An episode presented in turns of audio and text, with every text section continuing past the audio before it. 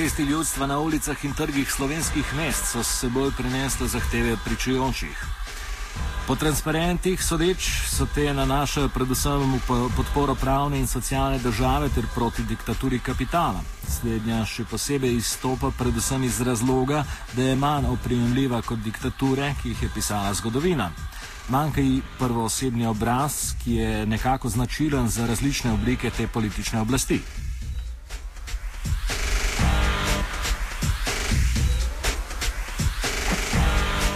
A vendarle, ob predpostavki, da je vodja tako imenovanega zahodnega sveta Barack Obama kot predsednik Združenih držav Amerike, lahko sklepamo, da je obraz diktature kapitala prav on.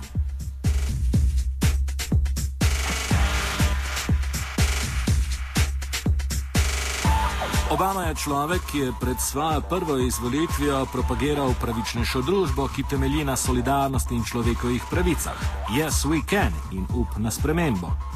Kmalo po inauguraciji na začetku finančne krize v Združenih državah Amerike je predsednik Obama postavil svoj, svojo ekipo ministrov. V tej ekipi je bil pomemben član Timothy Geithner, prvi mož centralne banke New York. Geithner, aktualni finančni minister, je še vedno v vrsti ameriških finančnih ministrov, ki prihajajo iz vrst velikih bančnih ustanov ter korporacij, ki so v resnici obraz diktature kapitala. Govorili smo s filozofom Navom Chomskim, ki na začetku pove več o Baracku Obami.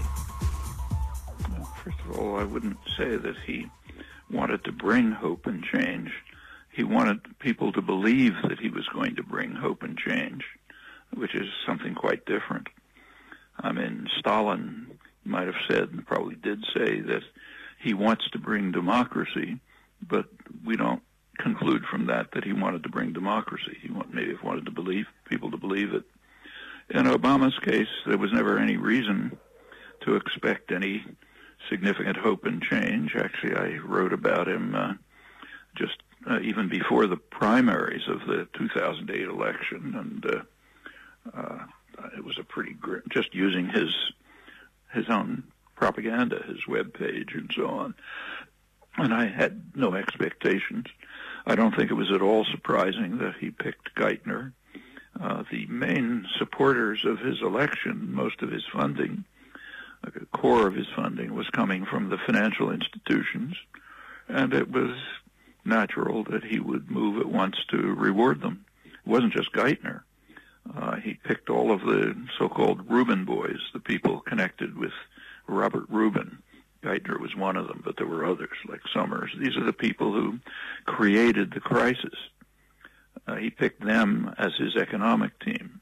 He excluded from the economic team uh, everyone uh, who was a critic of these approaches, including Nobel laureates in economics, uh, which, in fact, uh, the business press published a review of his economic team, Bloomberg News, right away. Actually, remember, this is the first act of his administration. They published a review of the people appointed to his, his economics team and concluded that uh, these people shouldn't be on an economics team. Half of them should be facing subpoenas uh, because of the criminal activity they were carrying out. Well, okay, that's uh, I, I didn't find that surprising. Uh, that's uh, where his commitments are. That's uh, uh, what he wanted to do. Actually, if you t- take a look at the, there was legislation to bail out the banks.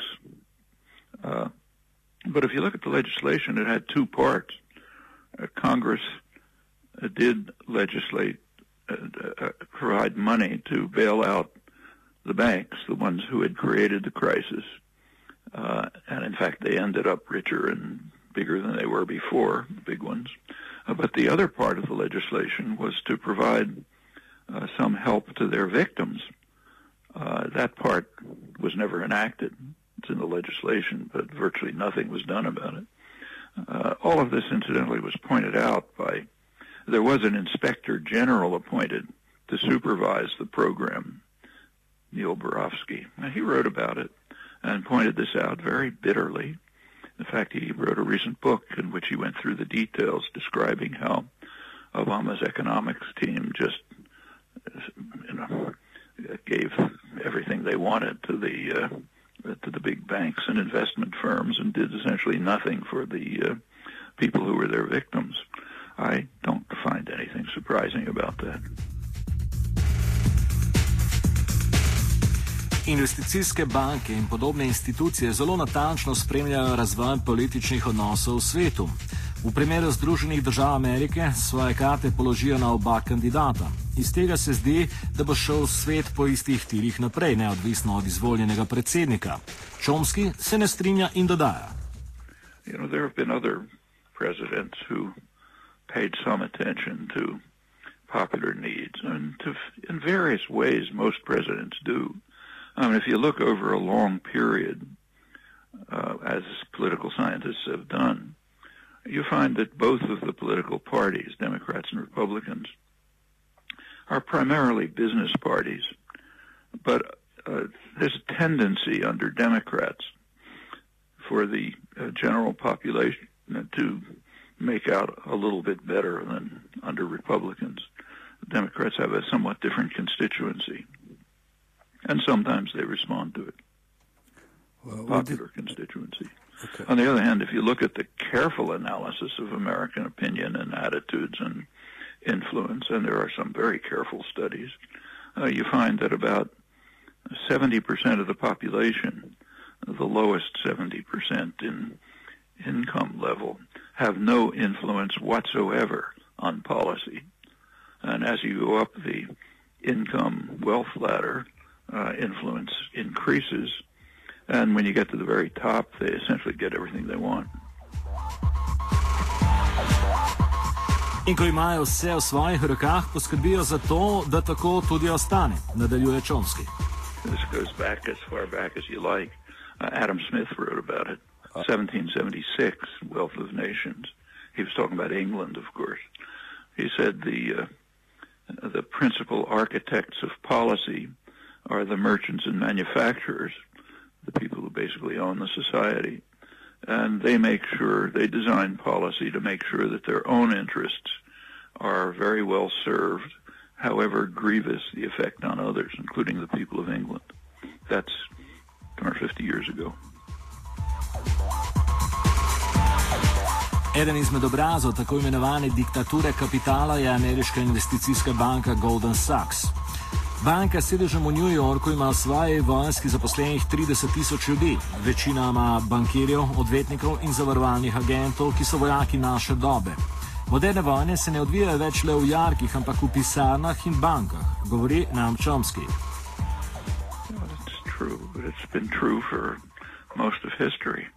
I mean, it varies over time. There are different modalities and so on.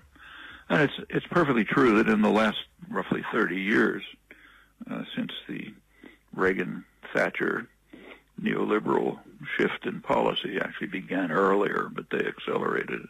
Uh, during that period, there's been a concentrated assault on the general population, uh, taking various forms in different places, but all over the world. Um, and in the third world, it's been structural adjustment, uh, IMF conditionalities, and so on. Uh, in uh, countries like the United States, it's the policies which have been designed to ensure that uh, for a considerable majority of the population, uh, there would be stagnation or decline, while for a very tiny sector, in fact, a fraction of 1%, uh, there's enormous wealth and privilege. Uh, that those are not laws of nature. These are policies that are designed, uh, gen- rough, roughly the so-called neoliberal policies, which take different forms in different places like in Europe right now, uh, they're taking the form of severe austerity under recession, which is having a devastating effect on uh, uh, the southern countries, countries near the Mediterranean, Greece and Spain particularly. Borba proti moči mednarodnega kapitala je zaradi svoje značilnosti specifična, kako jo vidi Chomsky. It's, it's the power of capital concentrated capital, and the way to fight it is the way it's always been fought. I mean, it now happens to be uh, more international in scope than it was, say, 50 years ago. So therefore, the struggle against it has to be more international in scope. Uh, but that comes as no surprise either. I mean, you, take a look at labor unions. I mean, every labor union is called an international?